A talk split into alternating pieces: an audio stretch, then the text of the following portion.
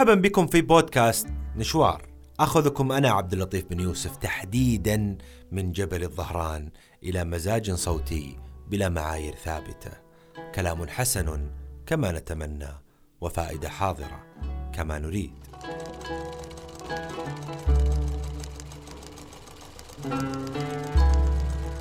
قصتنا اليوم مطرزة وملونة ودافئة ورغم ذلك فهي لا تخلو من الحرائق والدم.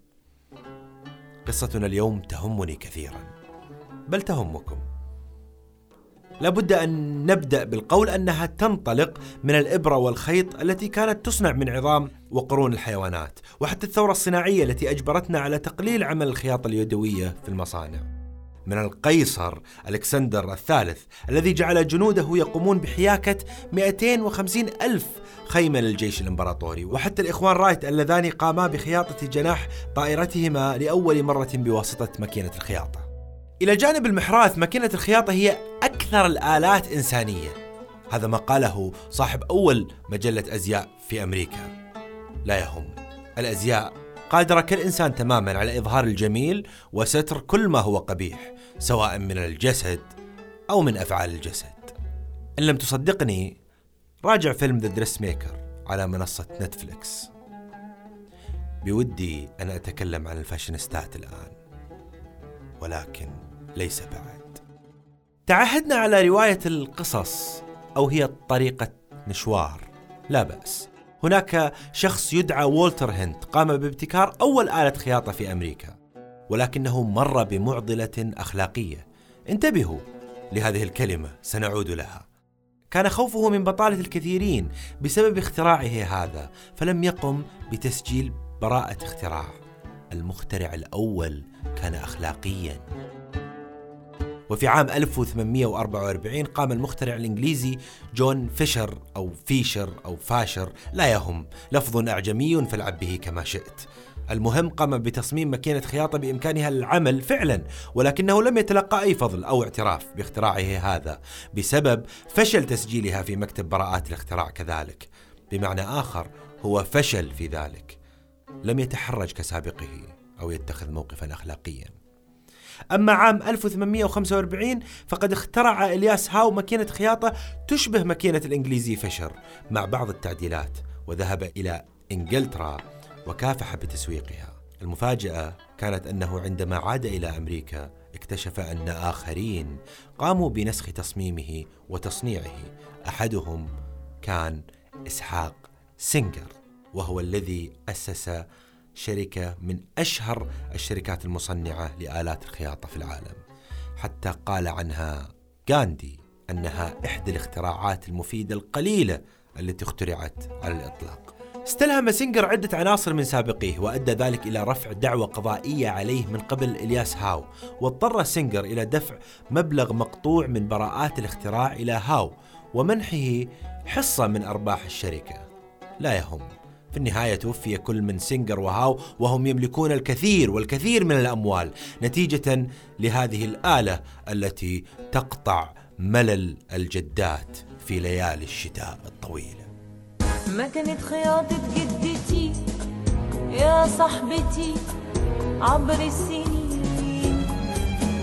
يا صاحبة الخير والحنين. بيني وبينك شيء غريب. 1889 هو التاريخ الذي قمن فيه الأمهات بتدفئة هذا العالم حيث انتشرت ماكينات الخياطة في المنازل بعدما كانت تستخدم في المصانع فقط. وقد يستمتع بعض النسويات إذا قلنا أن قبل آلة الخياطة افترض معظم الرجال وربما العديد من النساء أن الرجال فقط هم الذين يمكنهم تشغيل آلات معقدة. ونتيجة لذلك فإن العديد من الأزواج من الطبقة المتوسطة كانوا مترددين بشأن شراء آلة خياطة باهظة الثمن لزوجاتهم خوفا من أنها ستعاني من التعامل معها. ولطمأنة الأزواج قام مصنعون مثل سينجر بتوظيف نساء لشرح الآلات في المتاجر وفي المعارض حيث كانت المرأة موجودة بشكل بارز في الإعلانات وبالرغم من استغناء كثير من المصانع عن عدد كبير من العمال إلا أن ماكينة الخياطة خلقت وظائف جديدة بسبب أثرها الكبير على الصناعات الأخرى. وتطورت فكرة أن تكون عاملا في مصانع الخياطة. أنت لست خياطا ولا صاحب حرفة. أنت عامل تتعامل مع هذه المكائن الكبرى. ونذكر العمال دوما أنهم عصب الوجود وبأنهم لم يكسروا بنضالهم غير القيود. ويذكر العمال دوما أنهم عصب الوجود وبأنهم لن يقصروا بنضالهم غير القيود. لن يقصروا بنضالهم غير القيود. وبعد حين من الدهر في عام 1911 اندلع حريق في شركة تراينجل شيرتويست وهو مكان عمل يقع في الطوابق الثلاثة العليا من مبنى مكون من عشرة طوابق في مدينة نيويورك. كان لدى الشركة 500 عاملة معظمهن من النساء اليافعات. انتشر الحريق بسرعة. هرع قسم الإطفاء إلى مكان الحادث لكن خراطيمهم لم تتمكن من الوصول إلى الطابق السادس. النسوة احترقن حتى الموت. وبعضهن قفز من النوافذ المفتوحة. بأياد تمسك بعضها بعضا. كحبل بشري. يسقط. وماتوا وماتوا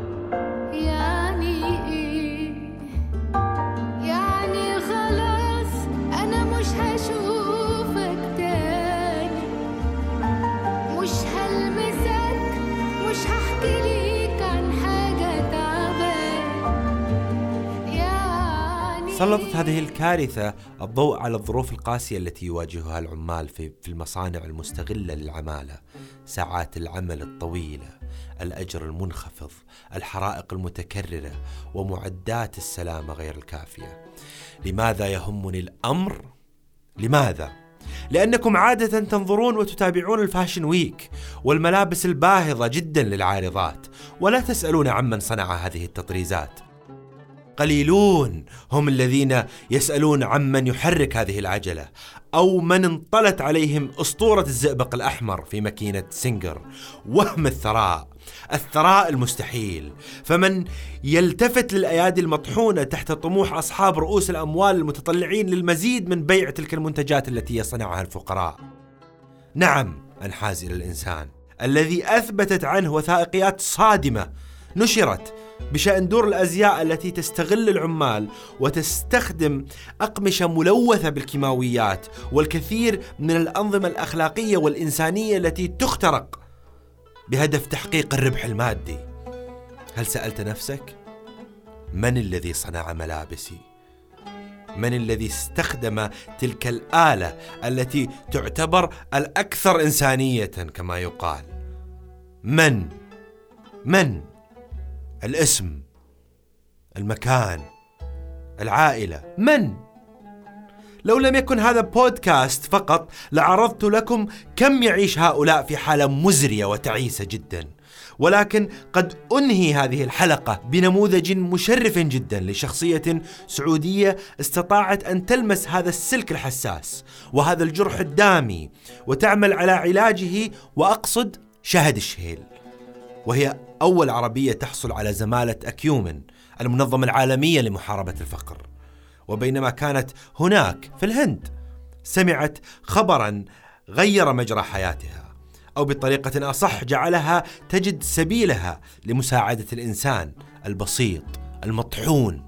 وذلك حينما سمعت عن انهيار مصنع الملابس القطنية في بنغلاديش ومقتل المئات بلا ذنب.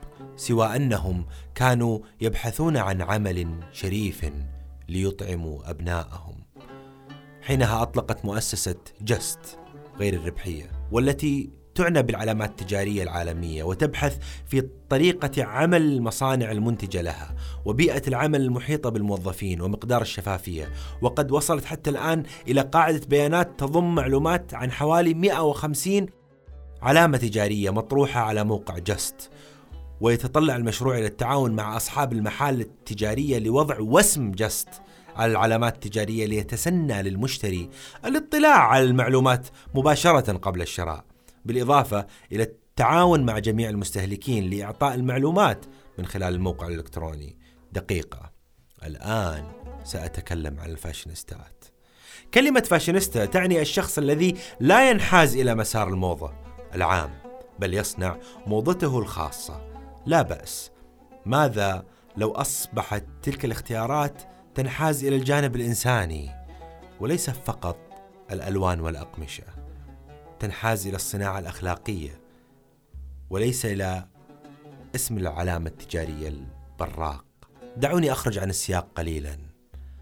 شاهد الشهيل تطلق مشروع أو فكرة للانحياز إلى الصناعة النظيفة أو الصناعة الأخلاقية. لكن شاهد ستظل دائما خارج الصورة. لن تستطيع أن تصل إلى المستهلك إلى الإنسان العادي. من الذي يستطيع أن يصل إلى أكبر شريحة من المستهلكين والمشترين؟ من الذي يستطيع أن يواجه مسار الموضة العام في العالم؟ هن الفاشينيستات. تخيلوا معي ماذا لو كانت هناك فاشينيستا كشهد تنحاز إلى الصناعة الأخلاقية تنحاز إلى الجانب الإنساني من كل هذه الأزياء والأقمشة تنحاز إلى كل الملابس والأزياء التي صنعت لا أقول بحب ولكن باحترام على الأقل.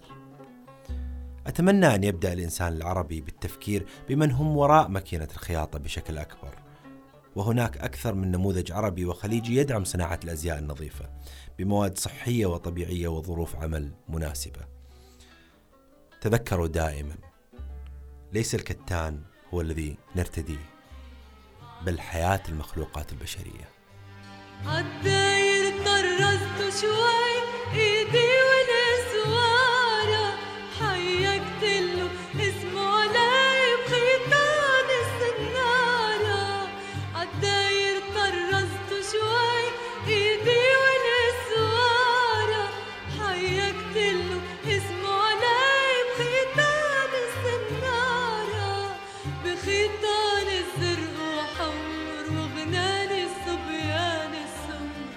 كتبت له قصة عمر. بدموعي لكتيبي خدلي بدربك هالمني واعطي حبيبي. كان معكم بودكاست نشوار وكنت أنا عبد اللطيف بن يوسف. شكرا لاستماعكم.